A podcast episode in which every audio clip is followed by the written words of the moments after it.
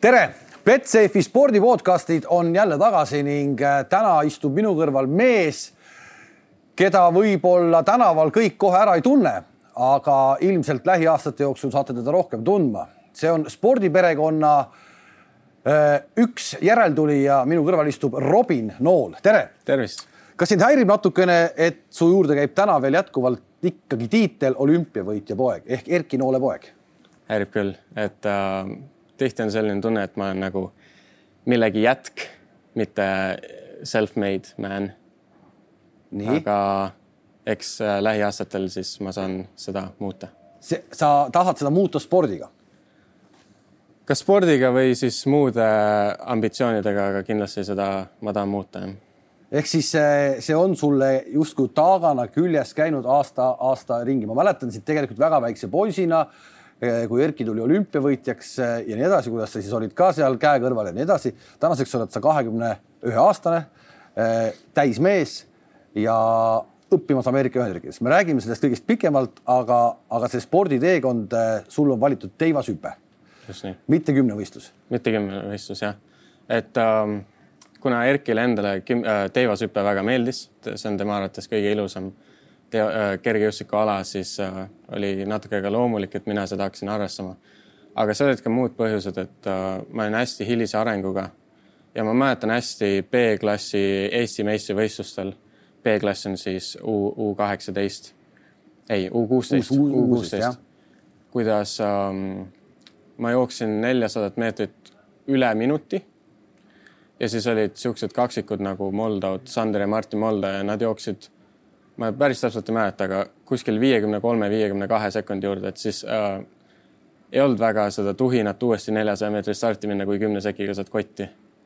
ja siis õnneks teosüpe oli selline ala, kus äh, no muidugi sul on vaja häid füüsilisi eeldusi, aga kui sul on niisugust tehnilist taipu ja koordinatsiooni ja akrobaatilist osavust, siis sa saad natukene paremini hakkama ja selle tõttu mulle teivast hüppas meeldib, teivast meeldis hüpata ometi täna, kui me läheme su juba rekordite juurde, nelisada meetrit on sul viiskümmend üks midagi peale, et mm -hmm. oled saanud ikkagi jalad liikuma.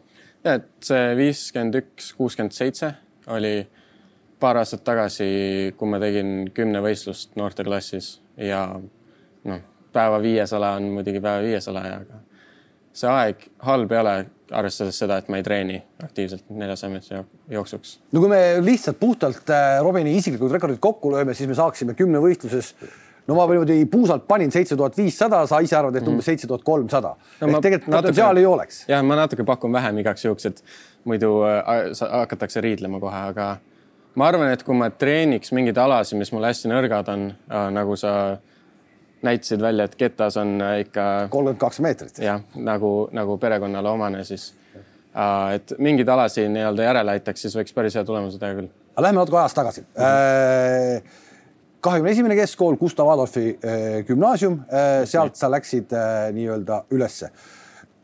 paratamatult, kui sa oled olümpiavõitja poeg, käib natukene kogu aeg nagu äh, kuidas ma ütlen, võib-olla väline arvamus, et sellistel lastel on alati nii-öelda kuldlusikas suus. tegelikult eh, nii palju, kui kuulda vahest on, see tegelikult nii ei ole. et kuidas, kuidas teie peres oli, et eh, tehti sulle kõik ette-taha ära eh,? kui palju sa pidid ikkagi kogu aeg jälle tõestama? Ma arvan, et mul natukene, mul on raske öelda, sellepärast et mul puudub see võrdlusmoment, milline mu elu võiks olla siis, kui mul ei oleks seda perekonnanime või ma poleks sellesse perekonda sündinud. Aga kindlasti ma mäletan seda, et kooliaegadel mulle ei, ei tehtud küll mingeid eeliseid ega ei, ei lubatud nii-öelda viilida, et äh, see on, tuleb siis nii koolide poolt kui ka perekonna poolt, et äh, et mul on väga head võimalused olnud trenni teha, aga ja samuti ka hariduse jaoks on olnud väga head võimalused ja ma olen väga tänulik sellele, aga aga kui ma nii peaks ütlema, siis ma tahaks loota küll, et, et, et minu praegune edu või praegused saavutused ei ole, ei ole sajaprotsendiliselt sellepärast, et ma olen kuldlusikas suus sündinud. kui palju sa üldse mäletad isa spordi tegemise aegu, siis sa olid ikkagi väga väike poiss. Eh, kes olid need, kes eh, sulle isa kõrvalt nagu meelde jäid ja, ja, ja kes võib-olla isegi tol hetkel mingid eeskujud olid? oli see isa või oli see keegi teine? ja üsnagi hägusad on need mälestused, et ma siit-sealt natukene mäletan, aga mingit niisugust nagu konkreetset kronoloogilist mälestust ei ole, et, et see aasta, et kui, kui ma olin selle vanune, siis Erki võitis olümpia ja seal oli Ateena ja et niisugust asja ei ole, aga ma mäletan suht hästi, kuidas ma vaatasin teda telekast ja siis iga kord, kui ta oli võistlustel, siis meil oli selline diil, et, et ta lehvitab kaamerasse, siis ta nagu lehvitab mulle, et millegipärast minu jaoks tundus see väga loogiline, et, et ta lehvitab otse mulle kaamerast. aga eeskujudena, no eks isa on alati eeskujuks olnud selles suhtes, et, et äh, need tulemused ja need saavutused ja see töö, mis ta ise tegi, on, on motiveeriv, sellepärast et ma ei taha olla temast halvem. aga kergejõustiku nii-öelda persoonidena või, või siis sportlased, keda ma endale eeskujuks võtan, on, on üldiselt olnud ikkagi teivashüppajad millegipärast, et isegi noorest saati, kui ma polnud veel spetsialiseerunud, siis, siis kippusid need olema. see ala, ala kohe ikkagi meeldis sulle? Jah, meeldis, meeldis. täna on sinust natuke noorem mees Duplantis, kes paugutab maailmarekordeid, see tundub täitsa hoomamatu kaugus. ilmselt ma arvan, noh, see ongi tegelikult nii-öelda üks miljonist inimesest, kes suudab niimoodi teha, nagu tema teeb. enam-vähem ja, ja noh, kui vaadata Duplantise nii-öelda siis omadusi ehk ta on väga-väga kiire, ta on tõesti kiire uh,. ilmselt Eesti meistrivõistlustel sajas meetris ta, ma arvan, et ma võiks pakkuda, et ta enamus aastaid võidaks ära no sinu sada, sinu saja meetri parim on üksteist üks vist oli. ja üksteist, kaheksateist. seda on teivashüppes vaja, seda sprindikiirust mm, -hmm. mis see Duplantisel on siis? kui ma mäletan õigesti, siis kaks koma üks tuulega ehk siis lubatud suurema tuulega punkt, punkt üks suurem, ta jooksis üksteist viiskümmend seitse või viiskümmend kuus, ei kümme, kümme, kümme, kümme viiskümmend seitse.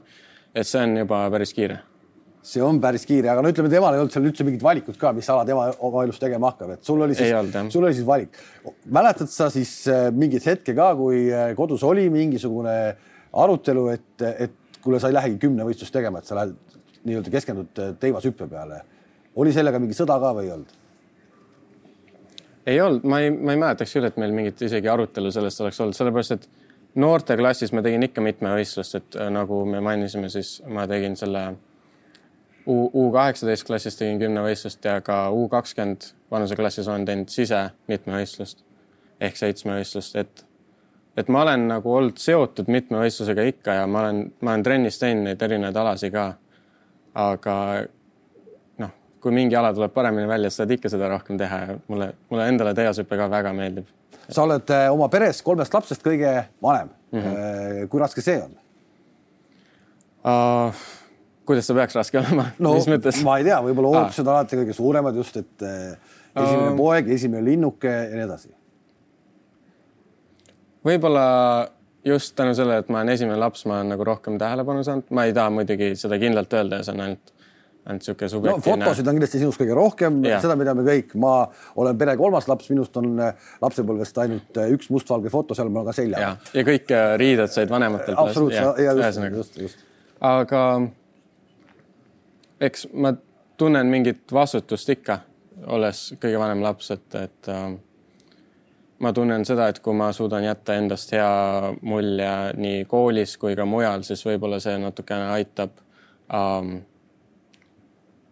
mitte avada teisi uksi mu vennale ja õele, aga, aga lihtsalt kuidagi seda head perekonnanime hoida ja, ja võib-olla täpselt selle kuldlusika eelarvamuste vastu võidelda. Äh, see perekonnanimi käib hetkel kogu aeg läbi. Ja nüüd äh, noorem vend ja veel noorem õde. et nii. siis äh, sa tunnetadki praegu, et sa oled ikkagi tegelikult neile eeskuju ma tahaks loota küll, et ma olen neile eeskujuks, et, et meie vanusevahed, noh, minu ja mu venna vahel on, on umbes kolm aastat. aga õega on, on suurem vahe, et kindlasti õele ma olen väga suureks eeskujuks. kes su suunanäitaja on olnud? Noh, isa niikuinii mingis mõttes, aga mm -hmm. paratamatult isa sel hetkel tegi veel sporti palju, kui sa olid nii-öelda väike poiss ja kasvamiseas. Äh, sul on ema sporditaustaga mm, -hmm. rääkimata vanaemast ja vanaisast Just ehk nii. Paavo Kivine ja, ja, ja see perekond ehk kes su suunanäitajad kuidagi nagu on olnud, kui palju, kui palju vanaisa on te sinuga tegelenud? vanaisa vanaema minuga tegelesid päris palju, eriti siis, kui Erki veel, veel reisis ja võistles. Et ma mäletan, ma õppisin, õppisin tegelikult lugema ja, ja rattaga sõitma nende juures ja um, võib-olla selline akadeemiline või intellektuaalne janu on, olengi saanud just vanaisa käest. ehk see, et sa oled tohutu lugemusega, ma saan aru. loodan. no ikkagi oled ehk kõik see on tulnud see, et haridus on ikkagi väga-väga tähtis, ehk mm -hmm. sporti võib teha, aga haridus on väga-väga tähtis. see on Paavo poolt tulnud. no nii vanavanemate kui ema kui ka Erki poolt, et, et see ei ole see ei ole päris niimoodi, et, et üks nendest suunab mind ühele poole, teine teisele poole, et see on ikkagi niisugune nagu äh, hea sümbioos kõikide siis valdkondade vahel, aga, aga kindlasti tänu sellele perekonnale on minu jaoks nii sport kui õppimine väga tähtis no Paavo äh, kaugushüppe tulemust sa vist ei hüppagi üle, et kuuekümnendatel paugutas mees ikka seitsme, viiekümne, seitsme, kuuekümne juurde isegi, eks? et äh, päris rajud numbrid tegelikult seitse, seitsekümmend seitse ma See... veel ja. ei ole valmis hüppama. või ma pole veel hüpanud, võib-olla olen valmis hüppama küll, aga, aga jah, perekonnas on päris tugevad sportlikud tulemused. seitse, seitsekümmend seitse oli ta parim jah ja.? See on ikkagi ja sa oled tuulega hüpanud seitse, kakskümmend, mis? seitse, kakskümmend üks. seitse, kakskümmend üks, nii et ootame mm -hmm. head mhm. tuult ja, ja sa saaksid vähemalt selle margi enda, enda nimele. just nii. Äh, Ameerika Ühendriikidesse ülikooli kuidas mm -hmm. see otsus toimus? meil olid, äh, sul olid kindlasti Eestis ka võimalik väga kõrg-, heal tasemel treenida, ometi mm -hmm. läksid sa äh, Ameerika Ühendriikidesse, kõigepealt siis Texase ülikooli. just nii, et minu esimene ülikool oli siis Texas A&M, ilmselgelt Texase osariigis. Aga see otsus, miks ma sinna läksin, mul oli tegelikult valik, oli, kas ma tahtsin alguses gümnaasiumi vältel, ma mõtlesin kogu aeg, et ma lähen Tartu Ülikooli meditsiinivaldkonda. aga aga ma arvan, et see oleks olnud väga, mitte just segav, aga see oleks võtnud rohkem, rohkem sellist vaimset äh, jõudu ja tööd ja võib-olla spordi jaoks poleks nii palju jäänud. Siis selle Texas A&M ülikoolis oli selline eriala, eriala nagu biomeditsiin või biomedical sciences, mida ma läksin õppima. Ja kuna USA ülikoolide spordi ja õppimissüsteem on, on üles ehitatud niimoodi, et kõigepealt pannakse trennid paika ja siis ümber su trennide pannakse tunnid paika, et see, see sind aidatakse väga palju just äh, sihuke time management ja, ja ka kui sul on probleeme õppimisega, siis sulle antakse väga palju tuge.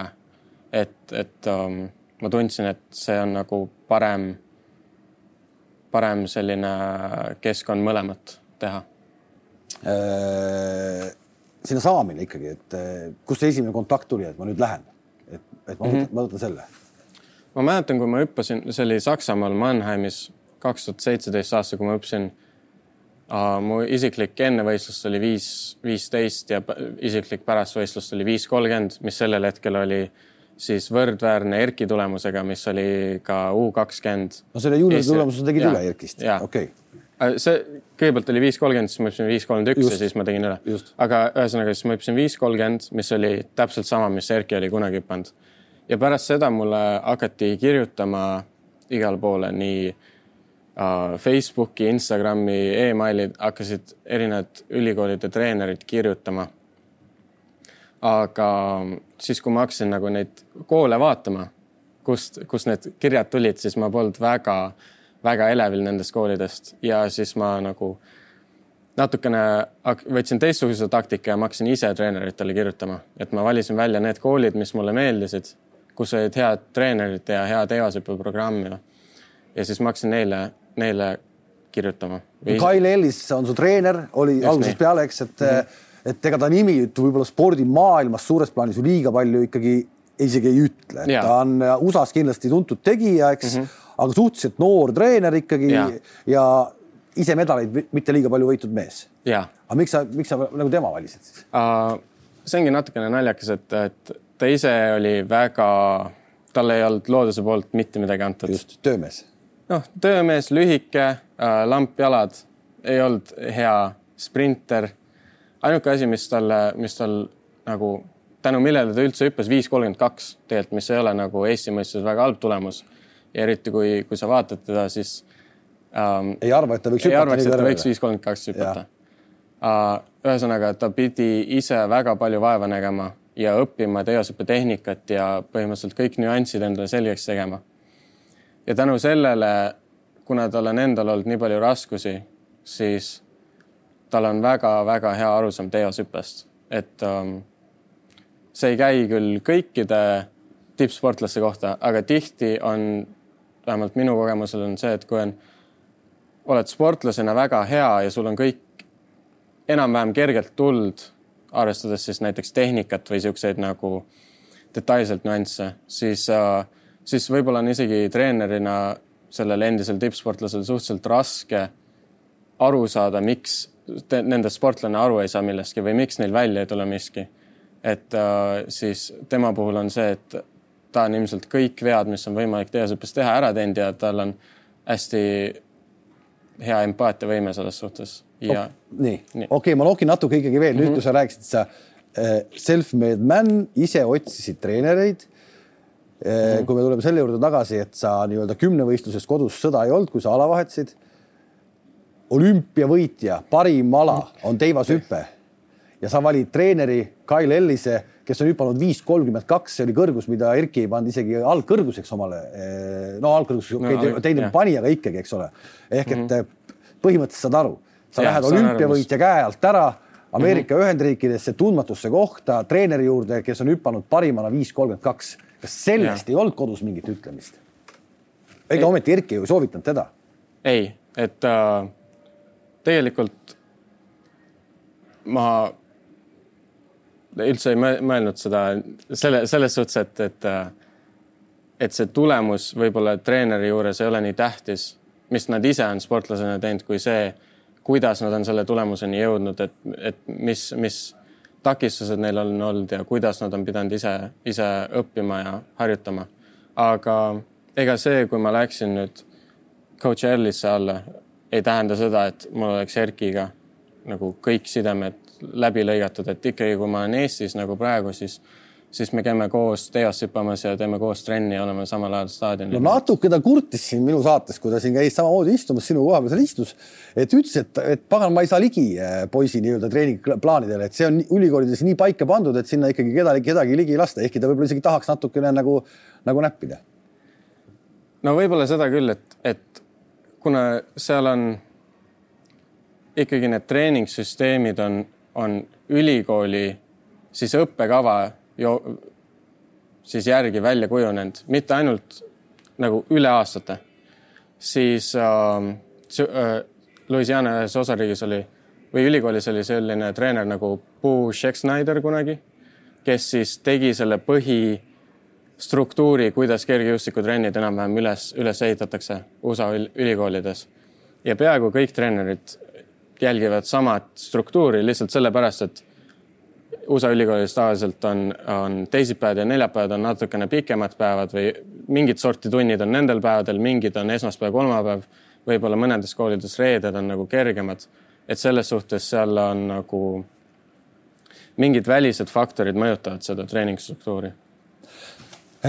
Tuleme selle ülikooli juurde, see esimene ülikool ehk see Texase ülikool, see, see vajab natukene võib-olla Eesti vaatajatele lahti seletamist, mida tähendab USA-s üks nagu ülikool, Texase ülikool, seitsekümmend tuhat üliõpilast, seitsekümmend tuhat, see on põhimõtteliselt Tartu linna täis mm -hmm. inimesi. on see võrdlus kuidagi nagu maast, laest võetud või tegelikult see nii ongi? ei ole ja see on, ongi enam-vähem niimoodi, võib-olla isegi see on natukene ekstreemsem, sellepärast et see ülikooli linnak on, on veel väiksem pindalalt, kui on Tartu linn, nii et seal siis tundide vahel kohutavalt palju inimesi kõnnib erinevate majade ja erinevate tundide või klasside vahel. et see on, see on päris hoomamatu ja alguses, kui ma sinna augustikuus jõudsin, siis see oli väga-väga suur šokk, kui suur see ülikool tegelikult on see sisseelamine, sa nii-öelda tegelikult oled ju, nagu ma ütlesin, kahekümne esimesest koolist teise kooli läinud, et sa mm -hmm. oled mhm. nagu koolivahetust teinud ka. aga noh, see on ikka täielik teine maailm, absoluutselt, absoluutselt teine maailm. ja isegi Ameerika Ühendriikides on selline ütlus, et Texases on kõik suurem, et kui noh, ütleme, et mingi California koolis on, on kohutavalt palju õpilasi, siis Texases on veel rohkem. ehk see on üks suurimaid ka siis? see on uh, Ameerikas üks suurimaid ülikoole jah, mitte kõige suurem, aga üks suurimaid. ometi te läksite koos treeneriga sealt minema, sa aasta olid seal ülikoolis ja siis läksid Memphise ülikooli mm -hmm. ehk et äh, aine, ala, õppeaine jäi samaks, eks uh,? mitte päris, ta natukene muutus, et kui ma alguses Texases õppisin biomeditsiini või selle eriala nimi oli Biomedical Sciences, siis nüüd Memphises ma õpin medical physics. et nad on natukene erinevad, aga Memphises ei olnud sellist üks-ühele vastet biomeditsiinile. ja ma tahtsin ikkagi eriala, kus on suht palju teadust ehk siis keemiat, matemaatikat ja füüsikat. ja siis medical physics oli nagu rohkem selle moodi kui need teised äh, erialad, mis mulle pakuti kuidas üks noor mees oma elu äh, nii keeruliseks suudab elada, et ta tahab rohkem keemiat, füüsikat, matemaatikat, et äh, sa, mingis mõttes oled sa kuidagi nagu välja valitud või on sul algusest peale olnud see reaalainete peale sellist, sellist nagu taipu? mul reaalainete peal, no reaalained on alati meeldinud, võib-olla ma just niisuguse puhta matemaatikaga pole kõige suurem sõber olnud. no nüüd on muidugi olukord parem, sellepärast et ma õpin füüsikat, seal väga ilma matemaatikata hakkama ei saa, aga aga niisugused äh, teadusained on alati meeldinud. ma ei tea, miks, sest mul noh, vanaisa on, on kirjanik ja ema õppis antropoloogiat, et ma ei tea, kust see niisugune tugeva teaduse geen minusse sai nii, ja sa olid aasta seal ja siis äh, otsustasite ära minna, miks te ära läksite teise ülikooli? ja see on nüüd palju väiksem, ehk et kui me tuleme sellest mm -hmm. Memphise ülikooli juurde, siis ta mingis mõttes mõni mõtleb, et tagasiminek, et, äh, et ainult äh, kakskümmend tuhat üliõpilast, ainult kakskümmend tuhat. Mhm.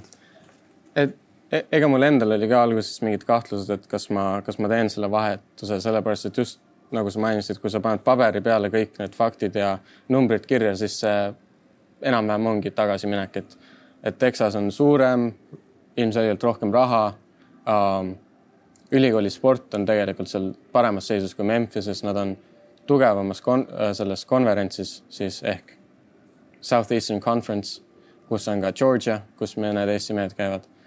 nii et, äh, et alguses oli küll kahtlused, aga põhjus selleks oli lihtne. minu treener või teosõppetreener Texas A&M-is oli vabatahtlikul kohal ehk ta ei saanud raha seal. ta ei saanud, ta ei saanud nii palka. suures ülikoolis mm, -hmm. nii rikkas ülikoolis ja on treener, kes ei saa raha. kõlab, kõlab uskumatult. selle, sellepärast, et NCA süsteemi järgi on igal koolil võimalik viis treenerit olla palgal, lihtsalt sellepärast, et suured koolid oleks enam-vähem võrdsed väiksemate koolidega või noh, teoorias. okei okay. niisiis minu, minu treener coach Ellis ei saanud palka, kuigi tema koormus oli sama, mis, mis teistel treeneritel ja siis talle pakuti, pakuti tööd Memphise ülikoolist, aga palgalisel kohal. nii et tema poolt see oli väga loogiline nii-öelda samm. et lõpuks saab töö eest raha ka? jah, just nii. ja kuna, kuna ma väga usaldan teda ja meie arusaam teeashüppest kattub väga hästi või see treeningfilosoofia on, on üsnagi sarnane. ma ütlen üsnagi sellepärast, et ta on kindlasti targem kui mina ja mul on veel väga palju õppida, aga nii, nii nii palju, kui me oleme koos töötanud, see, see koostöö läheb väga hästi. tuli et... sinuga koos veel sealt kaasa koos Ellisega veel keegi või sa olid tema ainukene ma olin, ma olin ainukene, kes, kes. täna on see treeninggrupp kui suur, kui, kuidas see on siis uh,? teevashüppajaid meil oli, peale minu oli veel kaks tüdrukut, kes mõlemad on ülikooli lõpetanud tänaseks hetkeks. aga järgmisest aastast ehk siis sügisest tuleb meil kolm uut uh, siis nii-öelda poissi või meest sinna teos hüppama, et meil tuleb päris hea selline, selline grupp. no Eestis on äh, läbi aegade, ükskõik mis ametit keegi midagi peab, Eestis on kogu aeg käib selline cost savings või, või kulude kokkuhoiu lau-, äh, selline kaks sõna, kulude kokkuhoid on kogu mm -hmm. aeg, et kuidas see USA ülikoolis see treeningprotsess välja näeb, et pead sa üldse nagu mõtlema natukenegi selle peale, kuidas ma täna, mis tingimustes ma trenni teen või kuidas see, kuidas see välja kõik näeb?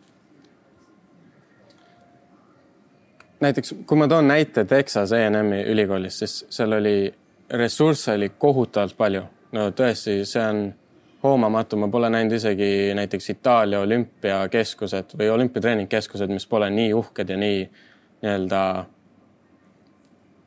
suursugused, kui oli Texas A&M-i siis spordi need tingimused.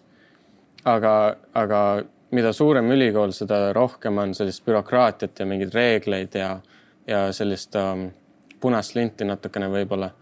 et, et sellega kõik tuli kaasa see, et, et kõik need staadionite ja hallide ja jõusaalide ja kõikide nende kasutamine oli väga-väga rangelt reguleeritud ja said minna ainult kindlatel aegadel, kui mingi treen-, näiteks jõusaalis sa said minna ainult siis, kui jõutreener oli seal, sellepärast et muidu see on ilmselt mingi terviseoht või midagi sellist ja et keegi. USA värk. jah, et keegi ei saaks kohtusse minna, siis seal on selliseid reegleid hästi palju. kui ma toon võrdluseks Memphise ülikooli, mis on natukene väiksem ja need nii-öelda ressursse paberil on kõvasti vähem, siis äh, mina väga suurt vahet ei näe, võib-olla ma isegi Memphises tunnen end paremini, sellepärast et seal sellist individuaalset vabadust sportlasena on natuke rohkem. lihtsalt sellepärast, et need, äh, see raha ja cash flow, mis seal on, on natukene väiksem. Äh, ja kindlasti on, on suurtemates ülikoolides see ka, et kuna tiimid on suuremad, siis võib-olla individuaalselt või noh, üks, üks sportlane saab vähem tähelepanu treenerilt kui, kui, kui väiksemates ülikoolides no igas Ameerika ülikoolis loomulikult on A ja O, eks ole, Ameerika jalgpall, eks on pesapall yeah., korvpall, Derrick Rose näiteks on Memphis ülikoolist tulnud, nii et selline vähemalt korvpallirahvale väga tuntud nimi ka äh,. aga teie ülikoolis nüüd on siis lisaks nendele aladele on veel päris huvitavaid, ma vaatasin, seal oli jahi laskmine mm, -hmm. mis on nagu ootamatu, siis on tegelikult päris kõval tasemel on just see soccer ehk et yeah. äh, tavaline meie mõistes jalgpall, mida mm -hmm. võib-olla kõikides ülikoolides ei ole. ja siis on kergejõustik ja tüdrukute võrkpall ja midagi sellist nipet-näpet veel. isegi, isegi golf on meil. golf on ka ja, ja ma tahtsingi just tegelikult küsida, et kuidas see, kuidas see võistlemine, võistlemise kalender või kuidas selline, kunagi ma äh, olin sunnitud ühel, ühte golfiüritust läbi viima ja ma, hästi palju oli neid mängijaid, kes tulid äh, USA ülikoolidest ja kui ma mm -hmm. vaatasin nende võistluskalendrit siis nad jätsid küll ikka täitsa nagu profi mulje juba, sest nad yeah. hirmus palju võistlevad. et eh, ma ei tea, kuidas, kuidas nad seal nagu reisivad või kuidas see käib, ega ometi bussidega ei käida, on, on ülikoolidel oma lennukid või kuidas see käib uh,? no igal spordil on eh, omamoodi kalender otse loomulikult, aga kui kergejõustikust rääkida, siis tavaliselt sisehooaeg hakkab jaanuarist, mõnedel koolidel või konverentsidel isegi septembri või detsembris aga kes üldiselt on jaanuarist siis märtsi esimese nädalavahetuseni, kui on siis NCAA meistrivõistlused, on sisehooaeg, siis on umbes nädal-kaks või kolm on, on pausi. Ja siis juba tuleb välishooaeg peale, et väga erinev Euroopast ja muja, muust maailmast, kus on kindel sisehooaeg, siis on jälle ettevalmistus kevadel ja siis umbes juunist hakkab pihta välishooaeg. et seal on märtsist siis juuni esimese või teise nädalavahetuseni on see välishooaeg ja siis, kui tulla nii-öelda USA-st tagasi juunikuus otse Euroopasse ja uuesti edasi võistelda augustikuuni, see on, see on päris, päris raske. aasta, aasta ringi äh, karussell mm -hmm. kogu aeg. ja et noh, siis sügi, sügis ongi selline mit, mitte akude laadimine, aga selline vormi ülesehitamine ja ettevalmistusperiood. Kui sa ei peaks praegu siin olema, midagi on ka positiivset selles äh, nii-öelda pandeemias, et äh, sellised mehed nagu, nagu Robin on Eestis, et äh, me saame sinuga siin laua taga juttu rääkida. sa oleksid praegu hetkel USA-s mm -hmm. ja ilmselt viis nelikümmend oleks sinu jaoks juba ajalugu ehk et selles oleksid juba, juba üle hüpanud. ja ma arvan küll, et, et need, need plaanid ja need eesmärgid, mis me siis coach Ellisega lõime, ma suutsin trennis olla väga õigel trajektooril ja see trajektoor oli kindlasti kõrgem kui viis nelikümmend. mis, äh, mis kahjuks, kui ma poleks Eestis praegusel hetkel, siis ma oleks Ameerikas, aga ühtegi võistlust nii nad ei toimu seal ka. ma arvan, et enne hakka, hakatakse pidama võistlusi Eestis ja Euroopas kui Ameerikas, nii et, äh, nii et kahjuks nii läks, aga, aga no kui palju see tegelikult nagu, nagu pähe hakkab, see, et noh, et sa olidki juba tegelikult no ma ei ütle, et sa oleksid eh, isa tulemuse viis kuuskümmend ära mm -hmm. pannud see aasta, aga ikkagi sa olid nagu tegemas seda sammu, sammu temale lähemale. kui palju see nagu pähe lööb nagu? et palju tööd on ju tehtud, see läheb mingis mõttes läheb ju nagu et, vett vedama. ega alguses oli natukene noh, kahju küll, et, et ma ei suutnud oma tööd realiseerida, sellepärast et ma olin, olin väga heas vormis just märtsis aga eks ma ei saa väga palju nuriseda ka, sest et kui palju mingi teeoshüpe loeb praeguses ülemaailmses kriisis. mitte liiga palju? mitte väga palju, nii et, et äh, ma ei saa väga, väga nukker olla, aga nüüd sellest nädalast me oleme siis Kergejõustikuliidu töö viljana me saame olla uuesti staadionitel treenida ja need esimesed treeningud, mis ma olen teinud, on olnud paremad, kui ma kartsin, et ma natukene kartsin, et see, see seis on hullem, kui ta päriselt on. no sul on tegelikult ju ka olemas äh, täiesti reaalseid konkurente siin Eestis, võtame näiteks äh, Erik Haameri, et ma ei tea, kas äkki teete Eerikuga äh, väikese sellise duelli, kui tahab natukenegi võistlusjanu teha? ei, ma olen väga nõus, et see oleks väga lahe, justkui oleks nii-öelda üks-ühele situatsioon kergejõustikus seda väga palju ei ole. saaks ju täitsa teha, tegelikult täna teha, me ei läheks ühegi reegliga vastuollu ja, ja., ja paneme kohe sealt nii-öelda väikse võistluse käima. viis nelikümmend on teil mõlemil hetkel, eks. jah, et, et Eerikul on isegi viis nelikümmend kaks, et ta on natukene parem minust, et ma olen väga nõus seda duelli tegema. äkki teemegi, äkki tulekski selline asi, oleks väga kihvt. Äh, läheme korra selle eriala valiku juurde ikkagi mm -hmm. ära, kes sust saab lõpuks, kui sa ülikooli lõpetad, kes kes, mis, kes sa oled selline siis? Hariduselt ma olen siis, äh, kui ma selle esimese paberi kätte saan, siis ma olen füüsikapakka väljaõppega siis inimene. et, äh, et füüsil, füüsika erialast tööd teha või minna edasi äh, nii-öelda research'i tegema, peaks edasi õppima sama eriala füüsikat. ilmselt ka dok-, nagu doktorikraadi saama kätte füüsikas, et, et olla. Lähed sa sinnamaani välja uh,? Ma ei tea veel, et ma ei tea, miks, miks, miks mulle tegelikult see füüsika mõte oli väga meelepärane, oligi see, et üks asi on see paber, mis ma sealt kätte saan, aga teine asi on, on lihtsalt need praktilised oskused, mis ma läbi matemaatika ja füüsika õpingute saan. et ma arvan, et, ähm, et on väga palju töökohti ja tuleviku erialasi, kus on selline kvantitatiivne oskus on väga tähtis ja, ja kui mul on selline taust olemas, siis mul on natukene lihtsam õppida ja kohaneda uute, uute nii-öelda karjääride või, või erialadega.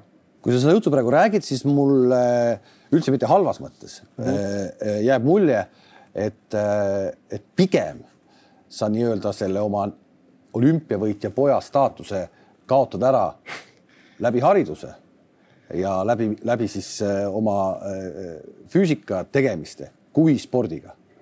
kas see, kas ma panen täitsa mööda praegu või, või see? ilmselt täitsa mööda ei pane, sellepärast et kui, kui päris aus olla, siis need numbrid, mis mulle on ette tehtud ja need, äh, see medalikapp, mis meil kodus on, on sinna kõrvale on natukene, mitte natukene, aga päris keeruline, mitte ainult mul, aga väga paljudel profisportlastel nii-öelda suuremat medalikappi luua. et um, ma olen natukene nagu eemale läinud sellest mõttest, et ma tahaks nii-öelda Erkit ületada või Erkist olla selles suhtes parem, et rohkem medaleid, rohkem, rohkem äh, võib-olla isegi mitte kuulsust, aga sellist nagu sportlikku austust, et seda on väga raske saavutada. mis, mis mina tahaks oma spordikarjääriga teha, oleks ennast võõrandada sellest mõttest, et ma pean kogu aeg Erki tulemusi, Erki nii-öelda äh, seda spordikarjääri taga ajama ja lihtsalt luua enda, enda teekond. aga mööda minnes oleks ikkagi nii-öelda hea ära võtta temalt vähemalt teivashüppe no,, teivashüppe parim tulemus. selles suhtes küll, et teivashüppe isiklik rekord Võiks on, on väga kindlalt silmade ees et võib-olla kümnevõistluse rekord kaheksa tuhat kaheksasada viisteist on noh, see jääb mõnele muule. ja miks mitte võistelda, võistelda ka olümpial, et kui see olümpial saab, see on, see, see võiks olla ikkagi eesmärk täiesti, eks. just nii, et äh, jah, olümpiale pääsemine on, on, on väga tähtis eesmärk, et kui ma oma kolm kõige suuremat eesmärki ette loen, siis on esimene on viis kuuskümmend ehk Erki rekordi ülelöömine, siis on ähm, olümpiale pääsemine ehk siis läheb vaja viis, kaheksakümmend. Ja siis võib-olla nagu kõige-kõige suurem ähm, eesmärk minul või siht, mille poole ma püüdlen, on Eesti rekordi hüppamine. see on muidugi ikkagi, see on, see on kaua püsinud, see oleks. see on uhke. väga kaua püsinud ja see on väga tugev Eesti rekord, et viis kaheksakümmend kuus Valeri Bukrejev. seda ei ole lihtne üle lüüa. ei ole. ja see ikkagi on täiesti nii-öelda, sa arvad, et see on täitsa reaalne? sa tahad no,, et... sa ikkagi panustad nii palju sporti, et sa võtaksid selle, selle, selle, selle eesmärgiks? et ma arvan, et mingid kindlad defineeritud eesmärgid peavad olema, mille poole püüelda, sest kui sa lihtsalt, vähemalt ma enda kogemusest tunnen seda, et kui ma lähen lihtsalt nagu vaatama, mis juhtub, siis enamjaolt väga midagi ei juhtu. et, et ma tahan ikkagi mingid, mingid eesmärgid on mul nagu silme ees ja nagu Henry Drell sinu poole ütles, et, et Eestis nagu natukene tehakse maha neid, kes suurelt unistavad, aga, aga pigem unista suurelt ja ära saa seda eesmärki, kui ära unista üldse ja ikka midagi ei tule. no sa oled, äh, sa oled jah, täpselt sama, samaealine, kui on need meie noored korvpallurid kõik ja sa oled äh, ilmselt vaadanud, mida mm -hmm. nad räägivad ja, ja, ja see on minu jaoks ka täiesti nagu hoopis teine põlvkond, kes julgevadki välja mingeid asju öelda, teades, et nad saavad tegelikult selle eest ka kõvasti kriitikat, aga just neid ei huvita, et see on mm -hmm. nagu, mhm. see on nagu midagi uut äh, meie noortes. ja et võib-olla see on natukene ka selline viis enna, ennast um, motiveerida või endale mingi välise pinge peale panemine, et kui sa kõigile ütled, et, et ma lähen NBA-sse, siis noh, siis see on sul kogu aeg ka kuskil jah, kuskil sügavas ajusopis, et samamoodi kui ma ütlen, et, et ma tahan Erki rekordit viis kuuskümmend üle hüpata, siis ega iga kord, kui ma teiba kätte võtan, siis see mõte minust läbi käib. USA nagu just coach Ellisest on palju juttu olnud, mis sa arvad ise? Või sa ilmselt saad kõige parem tead ka ise, mis ta sulle nagu juurde andnud on? selgelt, et tema juurest on nagu tulnud um,? kõige suuremad nii-öelda muutused on kindlasti tehnikas, et, et ma olen füüsiliselt võrreldes paljude Ameerika teosüppajatega, kes pole võib-olla kõige paremad, aga on sellised kesktasemel teosüppajad, et ma olen alati olnud füüsiliselt parem kui nemad, aga tehniliselt halvem. ja tänu coach Ellisele ja tema tehniliste teadmistele me oleme väga palju vaeva näinud tehnika puhul ja väga palju on veel tööd teha, aga, aga siiani kõige suuremad nii-öelda muutused või äh, para-, nii-öelda täiustused on olnud tehnika alal. milline sa nagu õpilasena oled, ma saan aru, et kui sa sellist eriala õpid, siis seal nagu ei saa äh, lõdvaks lasta, et see seal mahajäämine on hästi kiire tulema, eks. aga kuidas sa nagu spordi mõttes oled, teed sa kõik ära või sa paugud vastu ka? No ma olen selline natukene perfektsionist, et, et mind, mul jääb hästi kripeldama, kui ma midagi ära ei tee, ole, oleks see siis kas äh, õppimises või, või äh, tre, trennis, et kui treener ütleb, et tee näiteks kakskümmend kätekõverdust, siis ma ei tee üheksateist, sest mul jääb hullult kripeldama see üks kordus. et, äh, et see oli niimoodi ma küll vastu ei hakka. võib-olla, mis mõnedele treeneritele võib-olla võib tunduda vastuhakkune, aga tegelikult see nii ei ole, ma tahan alati suhteliselt palju küsimusi küsida, et nagu kui coach Ellis jälle näitab mingit harjutust, siis ma tahan küsida, miks me seda teeme, miks nii ja et kas, mida see peaks nagu aitama, et, et mul on selline tahe kõik ebaefektiivsed asjad välja lõigata oma elust, olgu siis õppimise poole pealt või, või treeningute pealt, et kui mingi, mingi harjutus, mida ma teen ja ma ise päris hästi aru ei saa, miks ma seda teen ja treener ei oska ka kindlalt äh, nii-öelda seletada lahti selle harjutuse põhimõtet, siis mul hakkab kohe alateaduslikult hakkab vastu see harjutus. ehk põhimõtteliselt ma saan natuke aru, et siin on nagu, nagu Ragnar Klavan on kunagi öelnud, et kui ta karjääri lõpetab, et ta ei taha äh, karjääri lõppedes mõelda äh, järele kasvõi kahele tunnile oma karjääri jooksul, et ta see kaks tundi ei viitsinud, et ta lihtsalt mm -hmm. oli nagu laisk, et see see karjäär, mis on antud spordi tegemiseks, see tuleb kasutada ära täisprofessionaalselt, täpselt nii kaua, kui see on.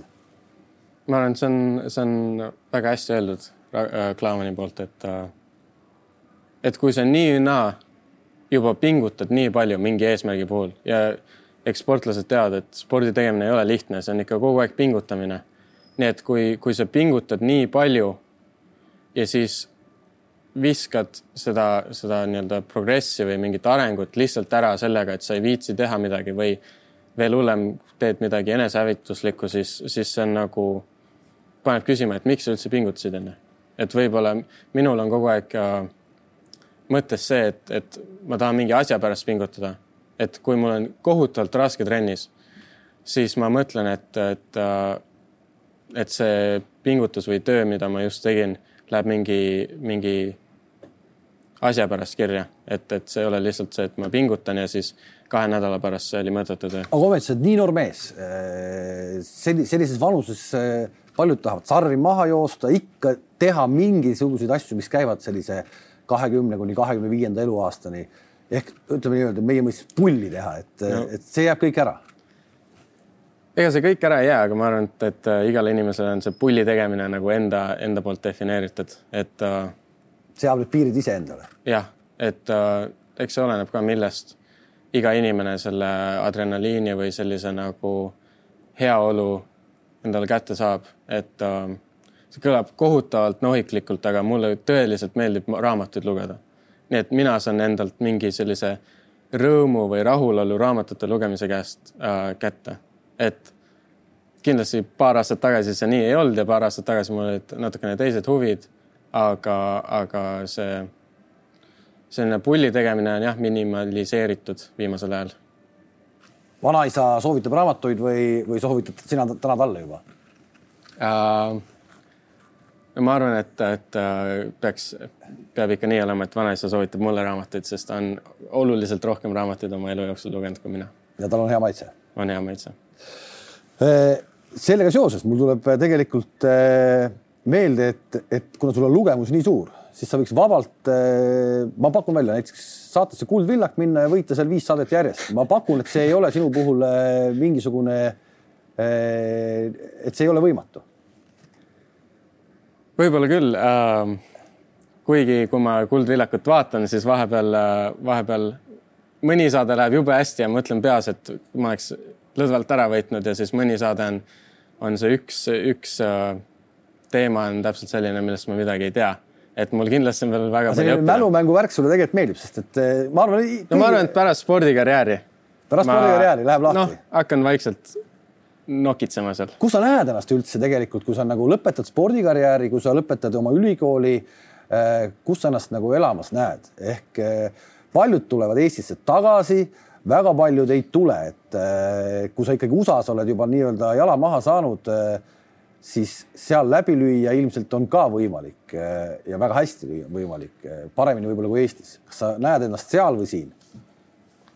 ma arvan, et natuke vara on öelda, kus ma näen, et see hästi palju oleneb kindlasti, kuidas mu sportlaskarjäär läheb, kuidas mingid koostööd sujuvad ja, ja kindlasti oleneb ka sellest, et kuidas mu, kuidas mu õpingud lähevad, et kui ma pean võib-olla nii-öelda ma lõpetan oma õpingud enne ära, kui mul see nii-öelda NCA eligibility ehk, ehk neli aastat spordikarjääri USA ülikoolis saab läbi, siis võib-olla ma olen ühe aasta veel seal, aga täpsemalt on väga raske öelda, et ma arvan, et see sõltub väga palju, kuhu, kuhu elu mind viib.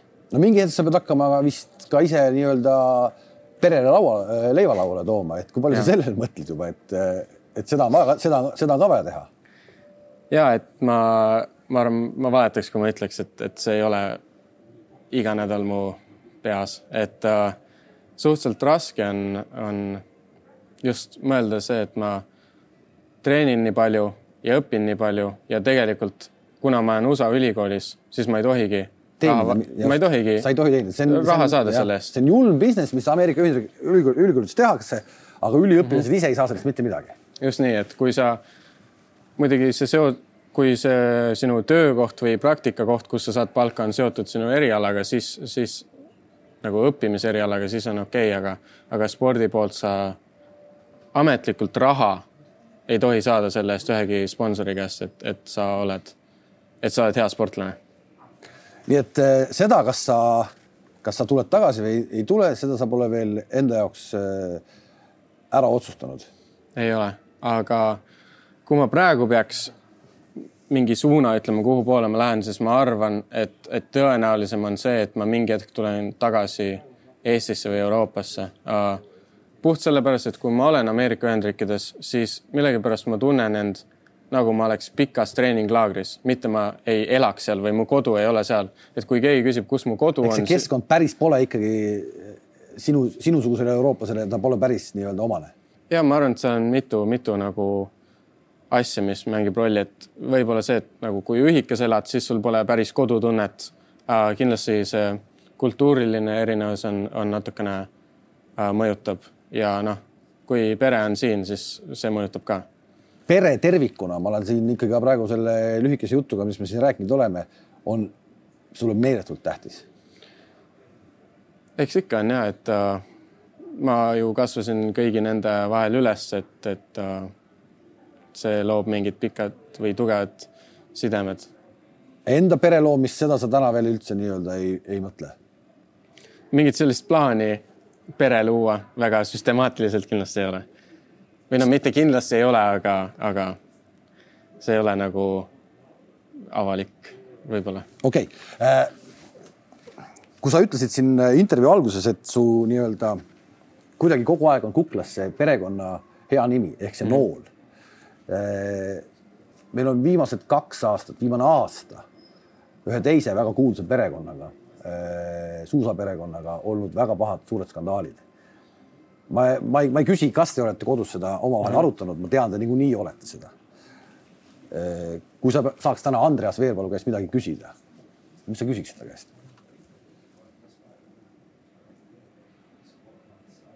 ma ei, ma isegi ei, ei tea, kas mul oleks midagi otsest niimoodi küsida, sellepärast et kui päris aus olla, siis mind väga palju need detailid ja selline nagu, mis telgitagustel toimub, ei, ei huvita. Ja see on väga-väga kahju, et kõik niimoodi on läinud, aga, aga mingit kindlat küsimust ma vist ei oskaks küsida su seisukoht eh, sellisele spordi tegemisele saab ju olla ainult eh, negatiivne. absoluutselt. nii ei saa sporti teha. just nii. ehkki ka Ameerika Ühendriikides, ma küll ülikooli tasemel ei tea, eh, käib see teema ka ikkagi väga-väga jõuliselt läbi. kas ülikoolis teil kuidagi on ka mingi eri, eraldi mingi selline kuidagi, ma ei oskagi öelda siis, koolitusteemal, et kuidas ära tunda, kes lähenevad või midagi sellist. Teile loetakse sellel teemal loenguid? on küll olnud erialaseid koolitusi aga need ei ole. ma mäletan, et, et kui ma alguses ülikooli läksin, siis ma pidin täitma igast lugema ja tegema koolitusi ja täitma pabereid ja kirjutama asju allkirju. aga sellist pidevat nagu, võib-olla ma isegi ütleks, et Euroopas ja Euroopa Kergejõustikuliidu see ja ka tegelikult Maailma Kergejõustikuliidu um, dopinguvastane kampaania ja see tegevus on, on, on väga hea um, USA ülikoolis kuuled küll vahepeal siin-seal, kuidas räägitakse, et, et, et nendest pole mõtet välja teha, et nad kõik ähm, teevad sohki või midagi sellist, aga, aga ikkagi dopinguproove ja nii-öelda proove võetakse suht palju ülikoolis. seal ka jah ja.? nii et sa oled nii-öelda, sulle on see teema tuttav, sa mm, -hmm. kui keegi koputab ukse peale, siis sa tead, miks nad koputavad. ja et äh, mina olen andnud just neid ülikooli ja ülikooli spordipoolseid proove, et äh, ma veel ei ole sellel tasemel, et, et Maailma Kergejõustikuliidu äh, või siis WADA äh, siis inimesed tuleks kell kuus hommikul minu ukse taga. milline spordimees sa nagu võistluste ajal oled, et äh, lähed sa eelmine õhtu rahulikult magama, sind justkui nagu ei, ei huvita see, mis järgmine päev toimub, tuleb, mis tuleb või sa ikkagi vähkled ja mõtled ja võistled selle võistluse juba ette läbi kusjuures, kui ma, minult on palju niimoodi küsitud ja ma kunagi ei oska öelda kindlat vastust, sellepärast et ma arvan, et ma ei tunne väga suurt pinget võistluste eel. et eelmine õhtu või siis öösel ma magan suhteliselt hästi. millal, millal ma nagu vaikselt lähen närvi tavaliselt, mitte alati, aga, aga mõnikord on siis, kui ma pean ootama või on niisugune tühi aeg, kus ma pean hotellis ootama või enne bussile minekut, midagi sellist, siis mõnikord tunnen, et, et tuleb niisugune väike värin sisse, aga, aga iga kord, kui ma hakkan jooksma või soo, soojendust tegema, siis see kaob täiesti ära.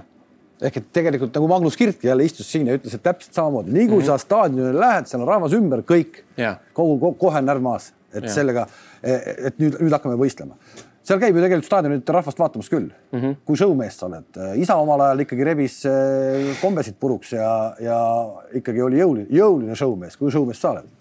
ma, ma meelega kindlasti mingit show'd ei tee. võib-olla vahest Eesti tasemel, aga USA-s, USA-s ei tee um,. küll aga ma tunnen seda, et mitte ainult võistlustel, aga ka trennis, kui ma, kui ma tegelen nagu kergejõustikuga või spordiga siis ma muutun väga emotsionaalseks uh,. Mitte halvas mõttes isegi, aga lihtsalt uh, kui mul tuleb midagi välja või, või midagi läheb kehvasti, siis ma alati nagu annan sellest märku uh, mitte, mitte meelega, alateaduslikult. ja ka Ameerikas võistlustel võib-olla, kui ma saan kolmandal katsel mingi lati üle, siis ma ikkagi nagu natukene karjun või midagi no oleks ka loomulik või e-, e ebaloomulik, kui ei, eks. ja aga, aga isegi kui see ei anna mulle mingit võidukohta või midagi sellist, aga natukene, mida mina olen täheldanud USA-s on see, et, et väga paljud sportlased nagu ei ole nii emotsionaalsed kui, kui mina. isegi? jah ehk et sa oled äh, Ameerika mõistes emotsionaalne mees.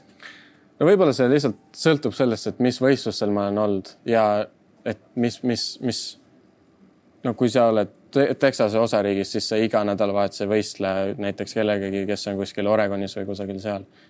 Et, et Ameerika on väga suur riik, aga jah, need nii-öelda juhtumid, mis ma mäletan praegu, et kus ma olen nagu väga õnnelik või väga emotsionaalne olnud, siis, siis äh, pärast võistlust mul on natukene selline naljakas tunne olnud, et, et kas kõik vaatasid mind nüüd imelikult.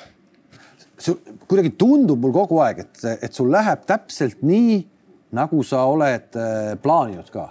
ehk et sul ei ole suuri tagasilööke olnud. mis su suurim pettumus elus on? Selles suhtes, et mul väga mingeid suuri tagasilööke ei ole olnud ja, ja sellistel suurematel võistlustel nagu tiitlivõistlused ja Eesti meistrivõistlused ma üldjoontes võistlen väga hästi, et seal ma kunagi nagu läbi ei põle või ei ole põlenud um,. küll aga, aga pärast seda, kui ma hüppasin viis kolmkümmend üks, kaks tuhat seitseteist suvel, siis äh, kaks tuhat kaheksateist aasta hooaeg um,. siis oli Berliini Euroopa meistrivõistlused ja see normatiiv oli viis viiskümmend viis ja see oli väga sihuke kindel eesmärk, mille poole ma püüdlesin ja seda ma kätte ei saanud ja üldse see suvehooaeg ma arenesin ainult neli sentimeetrit. nii et võib-olla see oli selline, ta ei olnud halb hooaeg, sellepärast et ma ikkagi hüppasin isikliku rekordi, aga ta ei olnud nii hea, kui ma endale kujutasin ette. ehk neli sentimeetrit suvehooaja jooksul, no kõlabki ju tegelikult natukene isegi võib-olla sinu vanuses vähe, eks? ja, jah, ja no tegelikult eelmine suvehooaeg ma hüppasin ka ainult äh, siis viie kolmekümne viie pealt viie neljakümne peale. et see ei ole ka väga-väga suur edasiminek nii-öelda numbriliselt, aga kui ma võrdlen kaks tuhat kaheksateist aasta suve, kaks tuhat üheksateist aasta suve, siis eelmine suvi ma olin kindlasti väga palju parem hüppaja juba, kui, kui ma olin eelnev aasta. kellega sa siis äh, esimesena suhtled, kui, kui tunned, et nagu pekki läheb, et, äh, et vaim väsib ja, ja kuidagi nii, et kellega sa suhtled siis? eks Erkiga ikka, et iga kord, kui, kui võistlustel ei lähe nii hästi, kui oleks võinud minna või noh, eks ikka mõni võistlus läheb natukene pekki ka, et siis esialgu hoian natukene kümme-viisteist minti enda ette ja siis äh, lähen jälle Erki juurde ja analüüsime läbi, mis juhtus ja kuidas edasi peaks minema. Erki oli omal ajal nagu selline hästi kuidagi nagu, kuidagi nagu karm või selline nagu enda suhtes ja, ja üldse selline hästi. Mulle tundub, et ta aastatega on läinud natuke pehmemaks, ütle, kui ma eksin. kuidagi on läinud, kas ta kiidab ka vahel? muidugi kiidab, kiidab., et, et äh, ei, kui midagi hästi tuleb välja, siis peab kiitma ka, et ma arvan, et kui, kui sa oled, kui sa oled treeneri ametis ja sa ainu, ainus asi, mis sa teed, on kritiseerida oma, oma õpilast või sportlast, siis see ei tekita või see võib tekitada isegi sellise negatiivse äh, suhte või, või siis see sportlane alati mõtleb, et, et tal ongi kõik asjad valesti. aga, aga aga sportlase puhul peaks ka alati esile tooma neid asju, mis nad hästi teevad, et nad ise füüsiliselt või vaimselt siis paneks tähele, et nad on arenenud. sellepärast, et kui sa oled ise selles, selles spordis kogu aeg sees, siis võib-olla sa ei näe seda, seda arengut nii hästi, et, et treener peaks olema õiglaselt karm, aga ka esile tooma su need head, head omadused. aga mis siis Erki on öelnud, et coach Ellis on teinud niimoodi sinu juures? no nagu ma ennist mainisin, et, et mu tehnika on läinud paremaks ja kui natukene veel detailsemaks minna, siis, siis mu äratõuge ja see nii-öelda jalgade või puusade tõstmise alustamine on, on, on läinud väga palju paremaks mm. -hmm. Kui sa nüüd äh, täna napilt üle kahekümne, siis äh, põgusalt puudutasime, aga, aga Robin Nool kolmekümne aastaselt, aeg läheb nii kiiresti. Läheb. Läheb nii kiiresti. mis on kolmekümne aastaselt? mis tehtud, mis tegemata? optimistlikult ma arvan, et, et äh, kui ma nii suure suuga eesmärgid ette lugesin, siis olümpial käidud viis kaheksakümmend seitse või rohkem. ja, ja mitu aastat veel edukat sportlaskarjääri on ilmselt ees, loodetavasti. pluss õpingud. pluss õpingud, et äh, seda muidugi see, see oleneb, ma arvan, natukene ka minu, kui hästi mul sportlaskarjäär läheb, et kui, kui ma näen, et, et seal on tõsiselt potentsiaali ja, ja noh, kindlasti ma tahan sporti teha professionaalselt, siis, siis võib-olla need edaspidised õpingud, kui üldse ma soovin seda teha, siis, siis jäävad nagu hilisemaks. Äh, noori mehi, sinu vanuseid on siin käinud istumas küll ja küll ja ma küsisin ka tegelikult, tegelikult ka Henri Trelli käest, et kas ta tunnetab, et ta on eeskuju noortele korvpalluritele, siis, siis ma sinu puhul julgen küll öelda, et et oleks patt, kui sinusugust venda mõni noor kergejõustikupoiss endale eeskujuks ei võtaks. ehk mulle tundub kõik siin nagu nii tasakaalus. spordi tegemine, õppimine, maailmavaade, et sinnani jõudmine nii noorelt, kui sa oled, on ikka paganama, paganama suur asi. aitäh. aitäh sulle, et sa tulid ja millal sa tagasi lähed Ameerikasse uh,? siis, kui, kuna kevadsemester on läbi selleks aastaks, siis uh, ja nagu ma ennist mainisin uuesti, et, et ilmselt Eestis hakkab, hakkavad enne võistlused pihta kui Ameerikas, siis ma arvan, et ma tagasi lähen sinna sügissemestriks ehk siis sügisel. Ja tegelikult ka ma proovin kuidagi nüüd välja mõelda selle, kuidas me saaksime teha kasvõi Kadriorus duellvõistluse Eerikuga. Eerikuga. Saaks... ma kirjutan talle kohe ja küsin, mis ta ise arvab sellest. küsi ja äkki teemegi, miks mitte, tänapäeval on sporti nii vähe, et oleks päris äge. aitäh sulle veel kord, et sa tulid, kõik, kes su unistused täituksid ja, ja ma hoian sulle väga-väga pöialt. aitäh. kohtumiseni